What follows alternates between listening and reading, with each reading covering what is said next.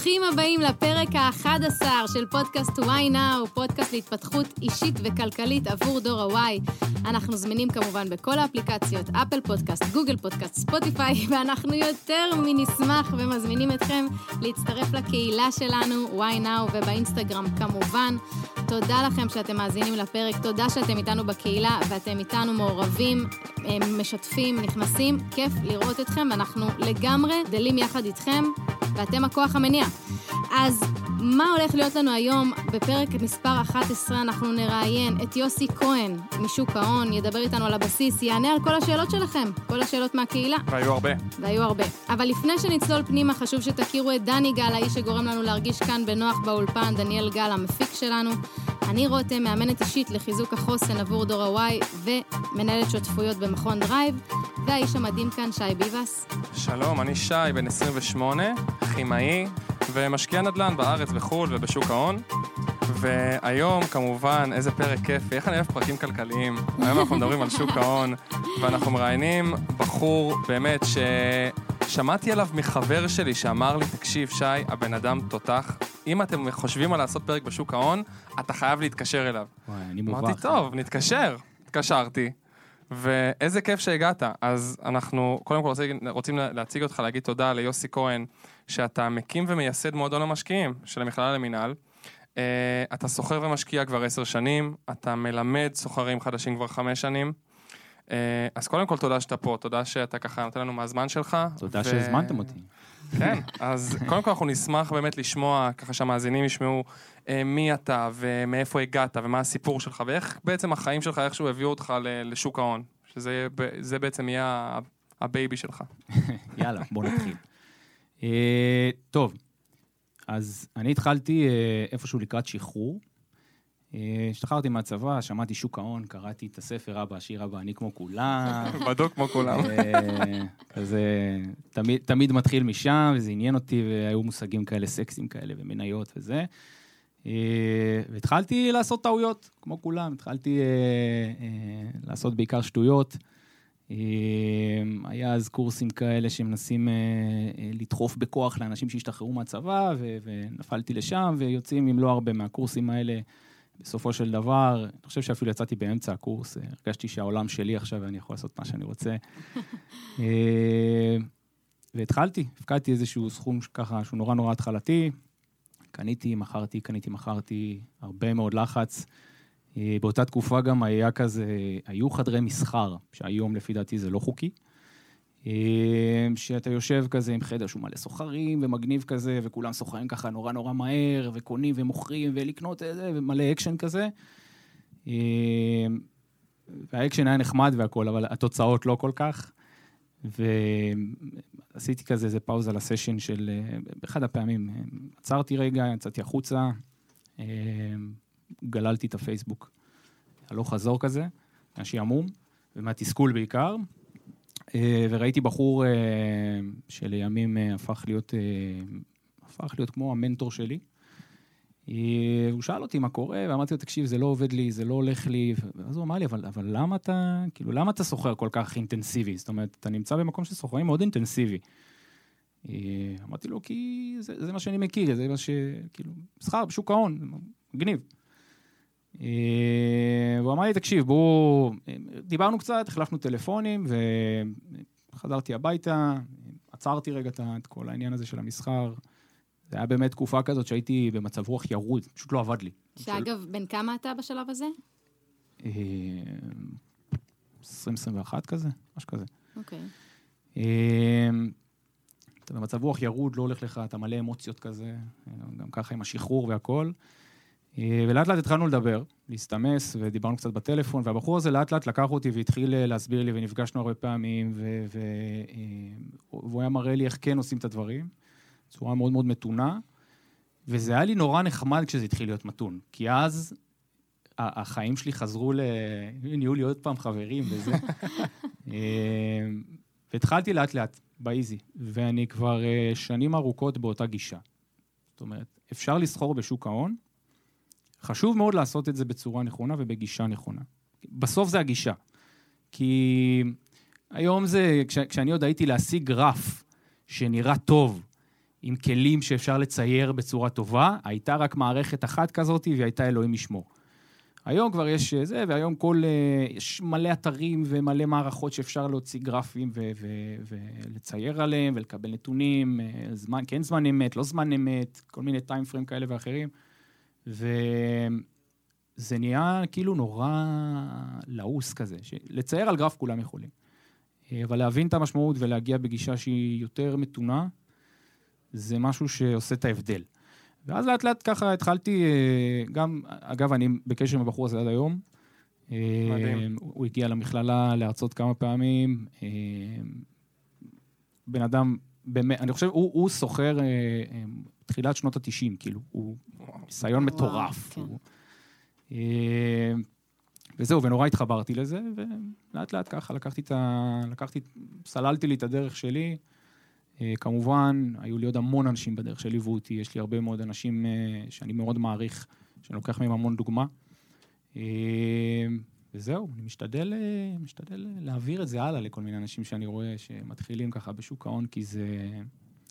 תעשייה שנהייתה קצת לעוסה לצערי, אבל כן. תכף נדבר על זה. אז איפה בעצם הגיע השלב שבו אתה אומר, התחלת להשקיע חדרי מסחר, ואז הבנת שאפשר לעשות את זה בצורה יותר מתונה?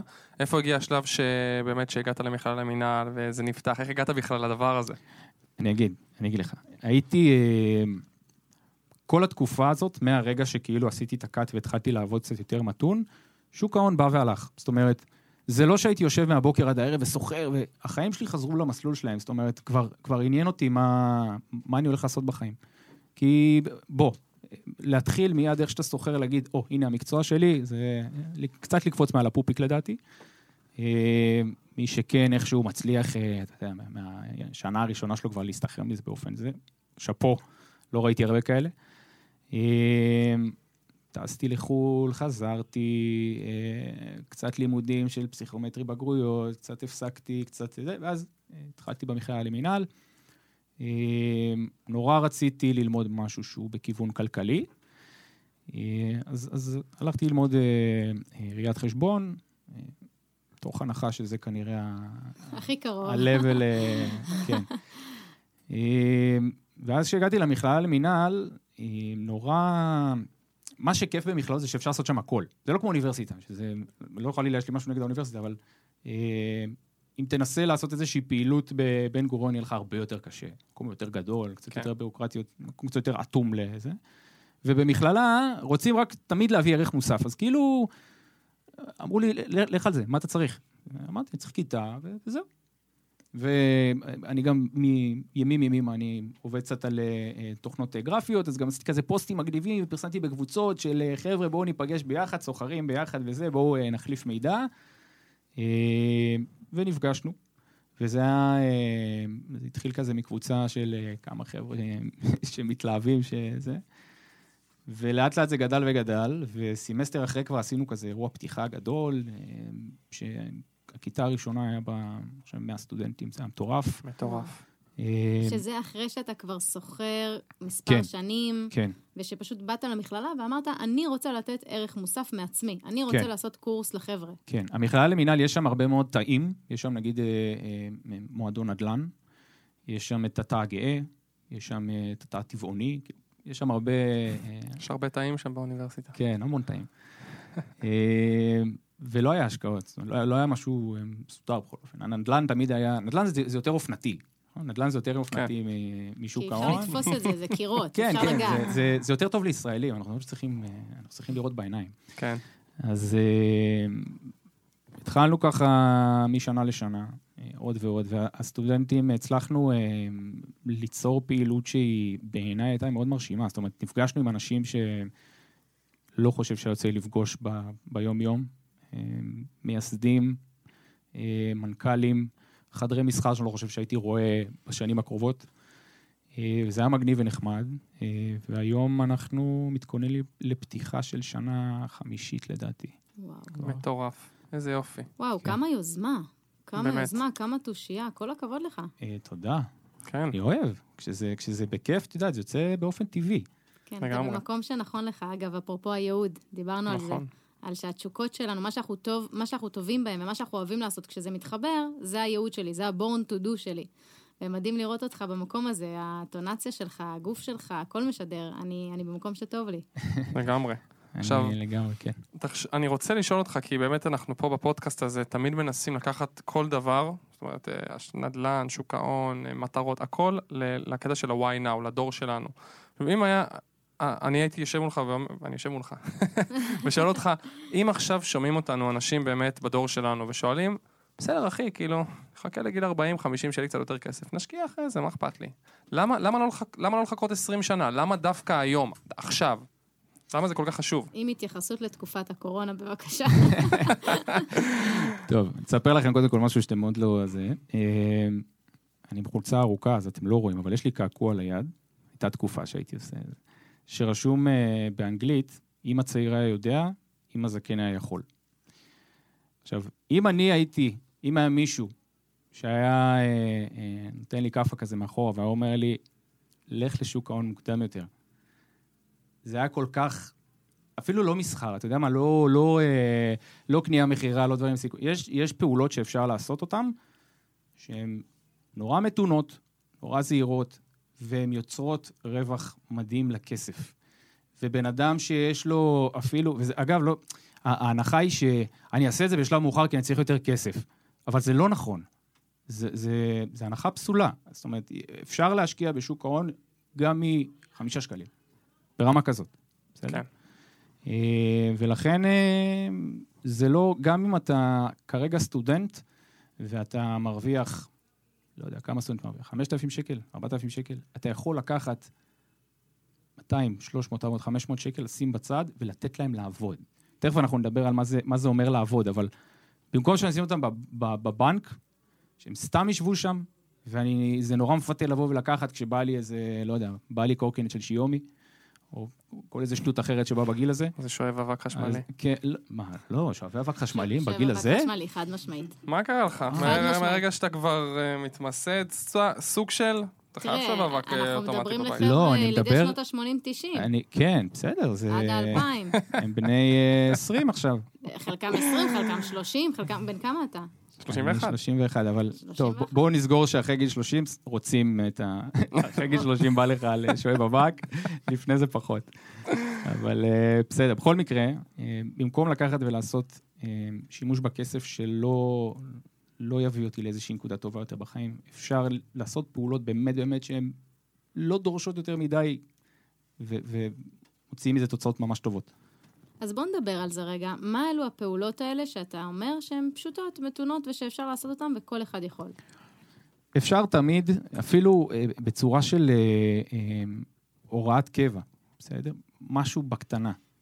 יש הרבה מאוד מוצרים פיננסיים בשוק ההון, שהם אה, איזשהו מוצר שהוא נורא סולידי ורגוע. זה לא חייב להיות איזה טסלה כזאתי, או איזה, לא יודע מה, מה, מה, מה הולך עכשיו חזק באופנה, נכון? יש את טסלה. ו- טסלה, אה, כל המגניבות האלה, חזק, כן. אה, זה לא חייב להיות המניות האלה, זה יכול להיות כן. הרבה מאוד מוצרים פיננסיים שהם כמו אג"חים, כמו אה, תעודות סל למיניהם, כמו קרנות מחכות. דברים שהפיזור נמצא כבר, תכף אנחנו גם נדבר מה זה פיזור.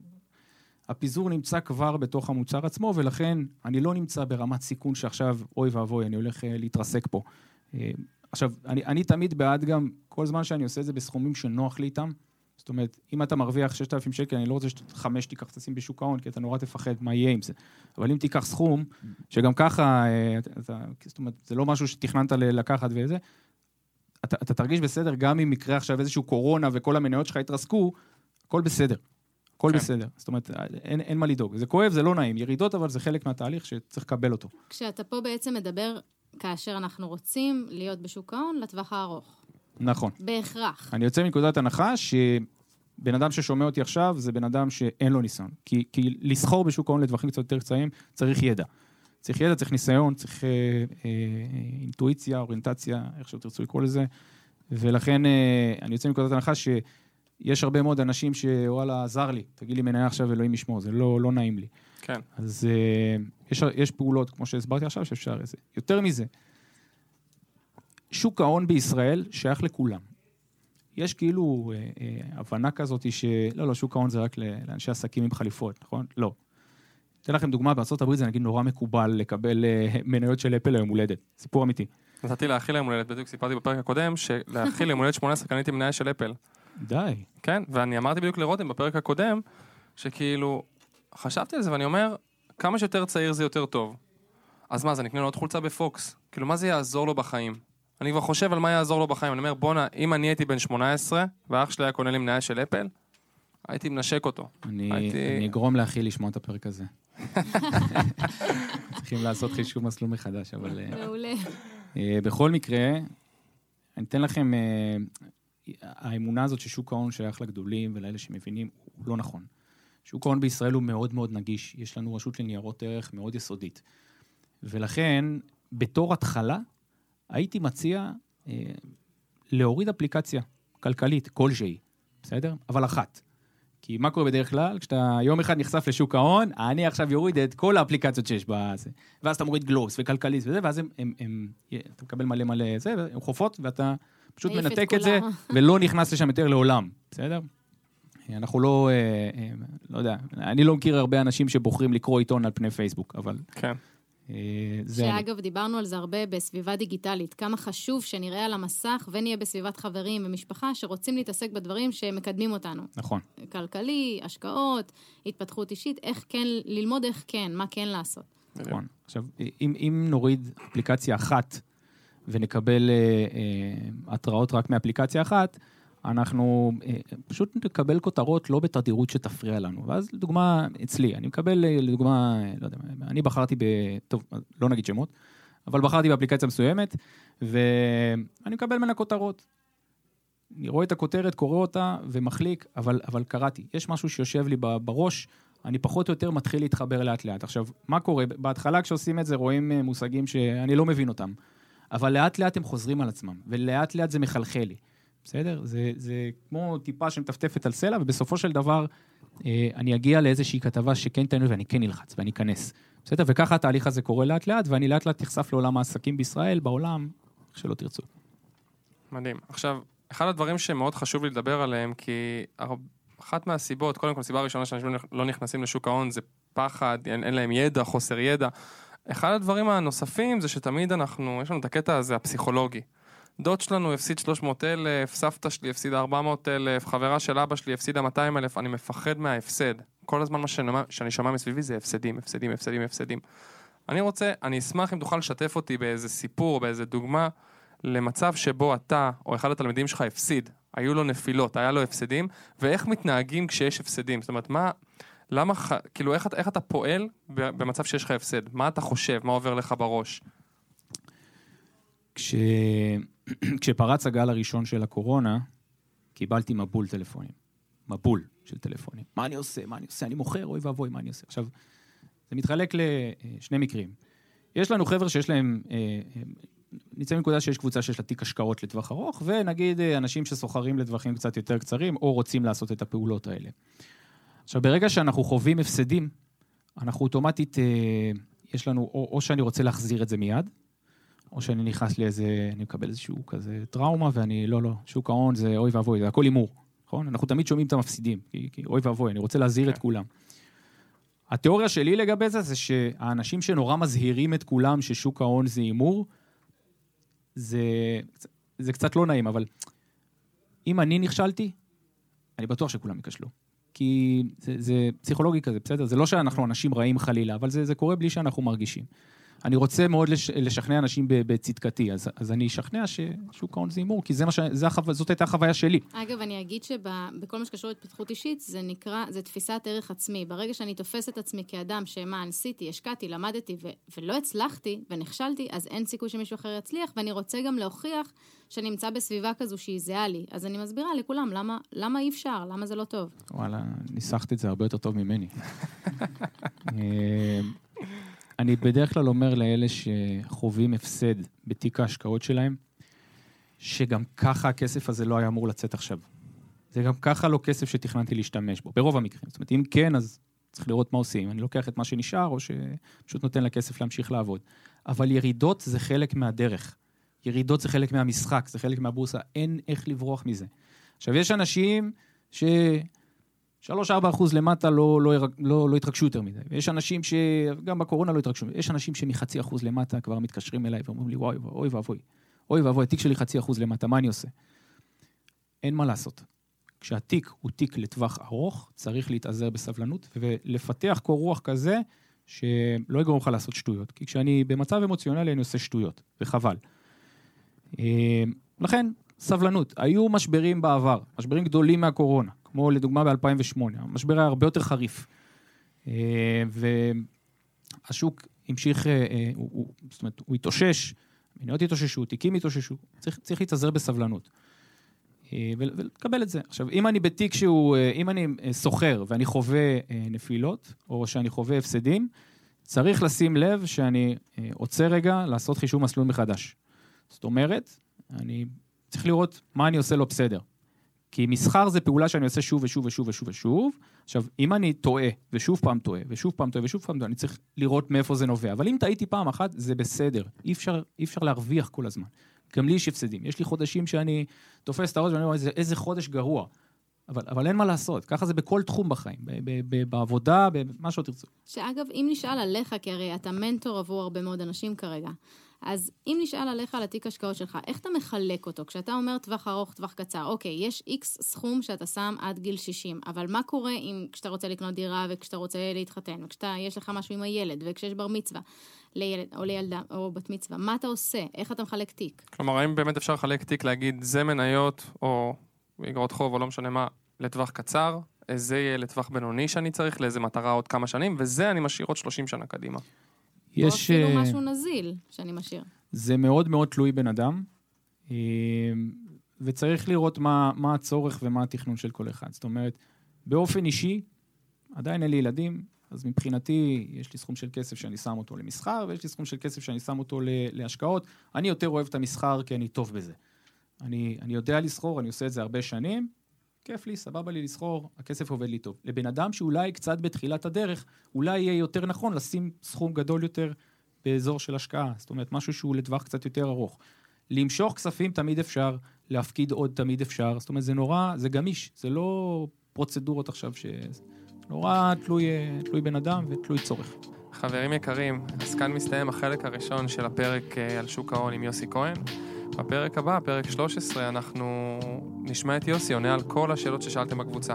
אז יאללה, נשתמע.